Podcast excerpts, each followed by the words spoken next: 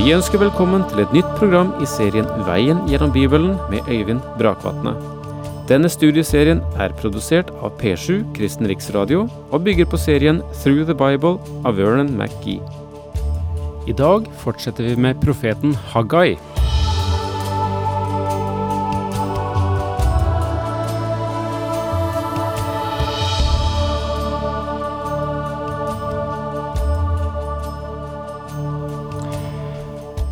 Det vi gjør, alt vi gjør, har en konsekvens. Det vi foretar oss, det fører fra noe, og det leder til noe. Det å være et Guds barn, det er ikke å leve sitt liv etter eh, et tilfeldighetenes mønster. Det å være et Guds barn, det er å løses ut av tilfeldighetene, settes inn i et sammenheng og vite at mitt liv fører fra noe og til noe. Der eh, alt det som skjer meg, har noe å lære meg, også sett under evighetens synsvinkel. Det er forhold som vi ikke alltid som troende tenker på. Vi eh, opererer hver dag for seg, og vi gjør det ene og det andre, og vi ser på det som et avsluttet hele, og tenker ikke bare på at dette bare er et lite ledd i en lang linje og i et stort sammenheng. Israelittene, når vi går nå til Haggai-boken, hadde det vanskelig. Meget komplisert. De var kommet tilbake fra Babylon etter fangenskap, landet lå i ruiner, de hadde begynt gjenoppbyggingen, men det buttet imot. De var blitt litt motløse, og ja, ikke bare litt, men mye. De hadde ordnet alt bra for seg selv, men det var mye som ikke var ordnet, blant annet var Herrens hus ikke bygget. Så butter de imot, og så sier de det at ja, ja, vi får vente med dette med Herrens hus, vi, det, det kan ikke være tiden til å styre med det nå, for vi har andre vanskeligheter som vi må overvinne. Og så er det Haggai kommer inn igjen og så sier hør her. Nå må dere sette livet deres inn i en sammenheng. Nå må dere se det som skjer med dere, også som et uttrykk for hvordan Gud vurderer det dere holder på med. Dere har ståket nå med deres eget i 15 år etter dere kom tilbake igjen fra, fra fangenskapet, og alt har gått ut på at dere skulle ordne tingene vel for dere selv, men Guds hus ligger i ruiner. Det at det nå er vanskelighet, kan ikke det være en konsekvens av at dere har prioritert feil, at dere nå må tenke dere om. Og det er det som uttrykkes i vers seks og syv i kapittel én hos Haggai, som vi leste sist, men som vi gjentar nå. Dere sår mye, men høster lite. Dere spiser, men blir ikke mette. Dere drikker, men slokker ikke tørsten. Dere kler dere, men blir ikke varme. Og leiekaren får sin lønn i en pung som ikke er tett. Så sier Herren Allherrs Gud, legg merke til hvordan det går dere. Gud dømte dem på grunn av deres materielle forhold men de vurderte ikke det som hans dom. De eh, så en helt annen vei, og eh, var forferdelig nærsynte. For Israels folk hadde det vært svikt i høsten, men ja, ja, de hadde hatt så mange andre høster som hadde sviktet. En fra eller til, hva gjør det? Og de leste ikke ut av det at Herren hadde noen ting å si dem. Legg merke til hvordan Guds ord forstørrer det som avslører menneskets vei, i motsetning til Guds vei. Den ugudelige skal forlate sin vei, og ugjerningsmannen oppgi sine tanker og vende om til Herren, så vil han vise barmhjertighet til vår Gud, for han vil gjerne tilgi. Det siterte vi før vi sa farvel til hverandre sist, i Jesaja 55 vers 7. Og i Ordspråksboken kapittel 13 vers 15 så sier Herren at overtrederes vei er hard, Og det er den sannelig. La oss igjen lytte til Jesaja som sier, Som himmelen er høyere enn jorden, er mine veier høyere enn deres veier, og mine tanker høyere enn deres tanker. Jesaja 55 vers 9. Og så, Herre, jeg vet at mennesket ikke selv kan rå for sin vei, og at vandringsmannen ikke selv kan styre sine skritt, står det hos Jeremia kapittel 10 vers 23. Og videre, så sa Herren, still dere på veien og se, spør etter de gamle stiene, etter veien til det gode, gå på den, så finner dere hvile. Men de svarte, vi vil ikke gå der. Disse trassige ordene forekommer i Jeremia-boken, kapittel 6, vers 16. Mennesket er i opprør mot Gud. Jeremia 10, vers 2 sier, Venn dere ikke til å gjøre som andre folk, og det er Gud som taler. Og Gud sier, dette er veien, gå på den. Jesaja 30, vers 21. Og den Herre Jesus sa, sannelig, sannelig, jeg sier dere, den som ikke går inn til sauene gjennom døren, men klyver over et annet sted, han er en tyv og en røver, men den som kommer inn gjennom døren, er hyrde for sauene. Johannes 10, vers 1-2. Han fortsetter med å si, Jeg er døren, den som går inn gjennom meg, skal bli frelst, og han skal gå inn og ut og finne beite.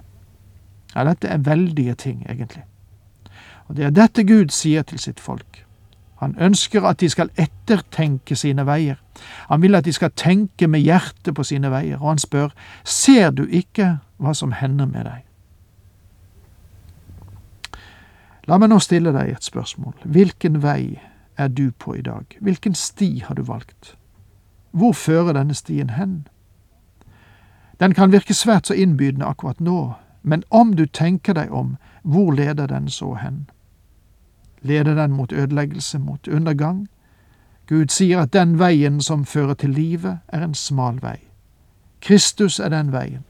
Han er den eneste veien til Faderen, men går du inn gjennom den smale port, så vil han vie seg ut når du går, og livets herligste syner finnes på denne veien. Du vil eie overflod av liv. Min venn, det er kanskje tid til å ettertenke dine veier. Ransak ditt hjertes veier. I hvilken retning bærer det i dag? Hvordan fungerer ditt ekteskap? Hvis du er student, hvilke mål har du i livet? Er du en ung kvinne, hvordan leder så han deg som du er forelsket i? Hvor bærer det hen? Hva vil hende med deg? Hvorfor ettertenker du ikke dine veier og legger merke til hvordan det går? Mennesker fra alle samfunnslag skriver til meg. Med mange går det godt, andre må med bitterhet erkjenne at de valgte feil og slå inn på gal vei, og de lider under det, både gjennom vanskeligheter i sitt hjem, knuste forhåpninger og ruinerte liv. Gud sier, legg merke til hvordan det går dere. Og nå vil Gud gi dem løsningen på deres problemer.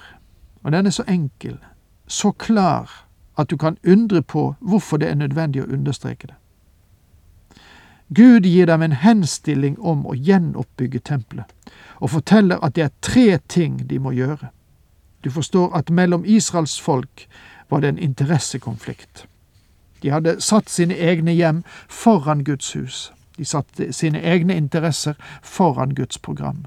Og den Herre Jesus sa i bergprekenen at vi skal først søke Guds rike og Hans rettferdighet, som det står i Matteus 6 vers 23. Nei, om forlatelse 33 er det visst.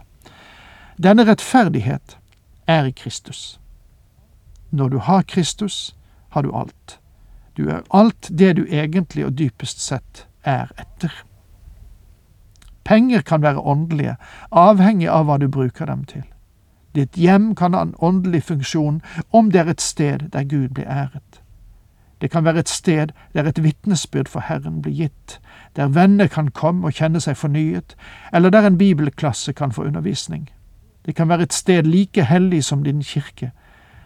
Det mennesker er etter i dag, må ikke nødvendigvis være galt, men det blir galt når du setter det først i ditt liv og bruker det til dine egne selviske mål. Nå forteller Gud folket på Haggais tid hva de skal gjøre. Dra opp i fjellet og hent tømmer. Bygg tempelet, så vil jeg ha behag i det og vise min herlighet der, sier Herren. Løsningen er enkel, det er bare tre ting de skal gjøre. For det første dra opp i fjellet, for det andre hente tømmer, og for det tredje bygge et hus. For å være ærlig så undrer jeg meg på hvorfor ikke israelsfolket hadde sett dette tidligere. Men det er vel slik at når mennesker får det store jeg foran øynene, så fordunkler det alle andre ting, og de blir blinde for det de burde ha sett. Det som burde vært relativt enkelt, blir et svært komplisert problem.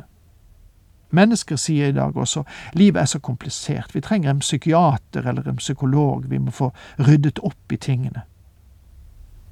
Og det, det er det nok i mange tilfeller uh, noen som trenger. Min venn, likevel sier jeg dette, om bare mange mennesker i dette land hadde satt Gud på sin rette plass, så var det sannelig mange ting som ville ha rettet seg av seg selv. Men først må du få ditt store jeg ut av veien. Dra opp i fjellet og hent tømmer. Om du har besøkt Israel, så kan du undre på Guds ordre om å dra opp i fjellene og skaffe tømmer, siden landet er nesten helt rensket for tømmer. Israel har nå i mange år drevet med en intensiv skogplanting, og selv om det nå er plantet millioner av trær, så virker mange åssider veldig nakne og bare i mine øyne. Det er bare ganske få som har tegn til grønt som dekker dem. Men ved denne tid var landet dekket med trær, noe dette verset antyder. Gud ville ikke ha bedt dem om å hente tømmer i fjellene om det ikke var noe å hente. Hva hendte med skogen i Israel? Vel, da fienden invaderte Israel i år 70, ødela ikke bare romerne byene, men de rensket også landet for skog. De skar ned praktisk talt hver eneste busk. Legg igjen merke til Guds enkle løsning på problemet. Dra opp i fjellet, hent tømmer, bygg huset. Det å foreta hele den operasjonen ville kreve ganske mye arbeid og anstrengelse. Min venn, om du ikke vil gjøre noe for Herren, om du ikke vil gjøre det Gud ber deg gjøre, hva nå det måtte være, så vil bibelstudier alene ikke hjelpe deg særlig mye. Gud tror også på et liv i funksjon, og dette budskapet i den lille boken til Hagai er en slags gjerningenes evangelium, om du forstår meg rett. Det vil si at dette ikke er noe frelsende evangelium. Men eh, med disse ordene og denne, dette praktiske snittet fra henstillingen fra Herren, så må vi si takk for nå, Herren med deg.